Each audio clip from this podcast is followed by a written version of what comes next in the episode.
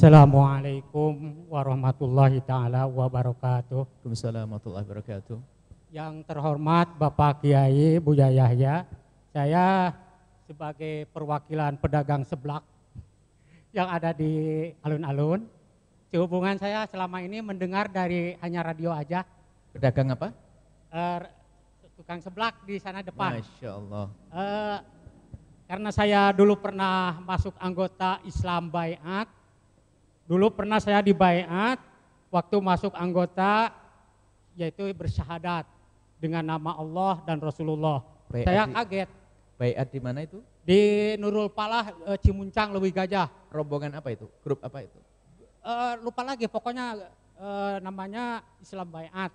Lupa lagi Islam Bayat. Islam Bayat. Nah saya bertanya, Pak kenapa saya dibayat lagi?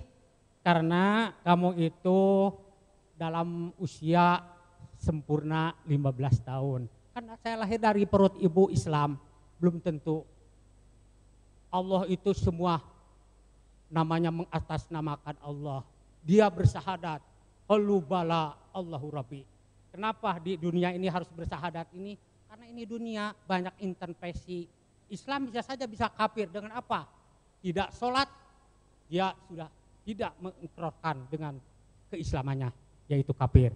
Nah, yang saya pertanyaan ada dua Pak, karena dalam Satu hadis satu aja, karena ada hadis tidak boleh sembarangan mengucapkan kafir kepada orang Islam yang sudah bersahadat. Nah, yang saya pertanyaan, konsekuen dengan hadis, barang siapa yang mendirikan sholat, maka mereka mendirikan agamanya. Barang sia- siapa yang mereka mendirikan sholat, maka ia telah kafir. Saya pernah mengkaji dari Darut Tauhid almarhum eh, Mama yang Khair Afandi, banyak Islam it- eh, kafir itu di antaranya ayat kafir muapakoh, fasik, musyrik dan sebagainya. Ya sholat itu apa disebut kafirnya? Yaitu dia kafir muapakoh, kafir munafik. Dalam KTP Islam tapi dia dia tidak mengabdi dengan mendirikan sholat. Karena apa? Kita harus pakai logika. Iblis saja yang disuruh sujud kepada Nabi Adam, dia sudah dicap kafir. Apalagi kepada Sang Maha Kuasa, dia telah sombong dan murka dan dia telah kafir kepada Allah Subhanahu wa taala. Sekian dan terima kasih. Pertanyaan saya mohon dijelaskan bagaimana kita menjelaskan kepada ya terutama keluarga saya yang benar-benar dia sembarang berani meninggalkan sholat. Apakah kita boleh menerangkan? Tidak boleh nak, itu ada orang kafir. Kan nanti bertanya, Baik. Bapak sembarang kok kan saya Islam, lahir dari Bapak, Ibu Iya. Islam. Saya Baik. bukan dari Kristen, dari bukan orang Yahudi. Sekian dan terima kasih. Wassalamualaikum warahmatullahi wabarakatuh. Mohon maaf sebelumnya Pak. Salah masalah. Ketahuilah bahwa semua itu ada ilmunya. Ilmu itu diambil dari guru, ilmu itu diambil dari pemahaman dari guru. Tentang masalah syahadat. Kalau ada seorang anak lahir dari perut ibu yang beriman,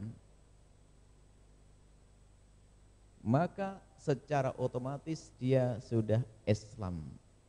Enggak ada pembahasan mengucapkan kalimat syahadat. Ini sepakati para ulama dari barat timur atas bawah. Majalengka dan selain Majalengka. Asalkan lahir dari perut ibu yang beriman, maka bapak yang beriman, maka langsung Islam. Nah, kemudian masalah mengucapkan kalimat syahadat itu dibahas. Bagaimana hukumnya mengucapkan kalimat syahadat?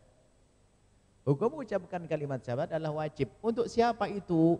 Untuk orang kafir asli. Bukan anda yang sudah sholat berhari-hari, sudah masuk Islam, suruh bersyahadat khusus. Nggak ada. Jadi syahadat itu kapan diucapkan? Untuk orang yang mula-mula dia kafir asli mau masuk Islam yang pertama. Yang kedua, orang yang murtad dengan jelas-jelas murtad. Tiba-tiba mengakui adanya Nabi setelah Nabi Muhammad. Atau mengatakan Nabi Muhammad bukan Nabi, maka itu murtad, maka dia harus bersyahadat lah lagi. Itu ilmunya begitu. Nah, kemudian bab sholat. Kalau ada orang meninggalkan sholat, apakah langsung kafir? Memang ala ahdu ini disebutkan dalam satu riwayat Al-ahdu baini bainal abdi wa bainar rabbi, ikatan antara seorang hamba dengan Tuhannya adalah as-salat. Faman tarakaha faqad kafar, barang siapa meninggalkan salat adalah telah kafir. Lah, enggak boleh kita menjelaskan kepada orang hanya memahami lafaz hadis begini gara-gara ngerti bahasa Arab. Kita kembali kepada perkataan para ulama. Apakah betul gara-gara meninggalkan sholat langsung dikatakan kafir? Yang pertama harus diketahui, meninggalkan sholat adalah dosa besar. Seperti halnya meninggalkan puasa, seperti halnya meninggalkan zakat, seperti halnya meninggalkan haji bagi yang mampu. Sama, sama-sama rukun is, Islam. Yang meninggalkan sholat dosa gede, yang nggak puasa Ramadan, dosa gede yang tidak punya udur, sama. Nah, lalu bagaimana jika ada orang meninggalkan sholat, apakah serta merta dia kafir? Ulama kita madhab Imam Ash-Syafi'i radhiyallahu taala anhu. Imam Malik, Imam Abu Hanifah, jumhur ulama mengatakan jika ada orang meninggalkan sholat, maka dilihat kalau dia masih mengatakan sholat itu wajib, sholat wajib enggak? Wajib. Kenapa kamu tidak sholat? Males maka dia tidak dikatakan kafir, tetap beriman tapi dosa. Dosa. Hah? Wajib? Wajib. Kenapa gak sholat? males. Sholat wajib, tapi dia males. Makanya dikatakan kafir yang kedua. Kenapa kamu tidak sholat? Ngapain sholat? Wajib gak? Gak wajib. Kalau ada orang mengatakan sholat tidak wajib, dia yang murtad, dia kafir. Itu saja. Kalau tetangga anda masih mengatakan sholat wajib, kemudian dia tidak sholat, dia melakukan dosa ge, gede. Bukan seenaknya kafir, kafir, kafir begitu. Kafir itu bukan diproduksi lalu disebar-sebarkan begitu. Nanti bahaya sekali. Semua kafir, kafir, kafir begitu. Jadi bahwa anda baik sekali seperti beliau, peduli urusan sholat. Peduli urusan sholat. Tapi urusan umat bukan hanya sholat saja. Bahkan ada urusan yang dahsyat lagi, urusan dengan istrimu, urusan dengan tetanggamu, urusan dengan bapakmu, urusan dengan ibumu. Wa qad rabbuka alla ta'budu illa iyyahu wa bil walidaini ihsana. Rajin salat, tapi sama ibunya ngangkat suara, mau ke mana? Dia akan masuk surga orang tersebut. Rajin salat, tapi ternyata memutus tali persaudaraan. Anak. Maka semuanya harus seimbang. Sholat benar dengan orang juga benar.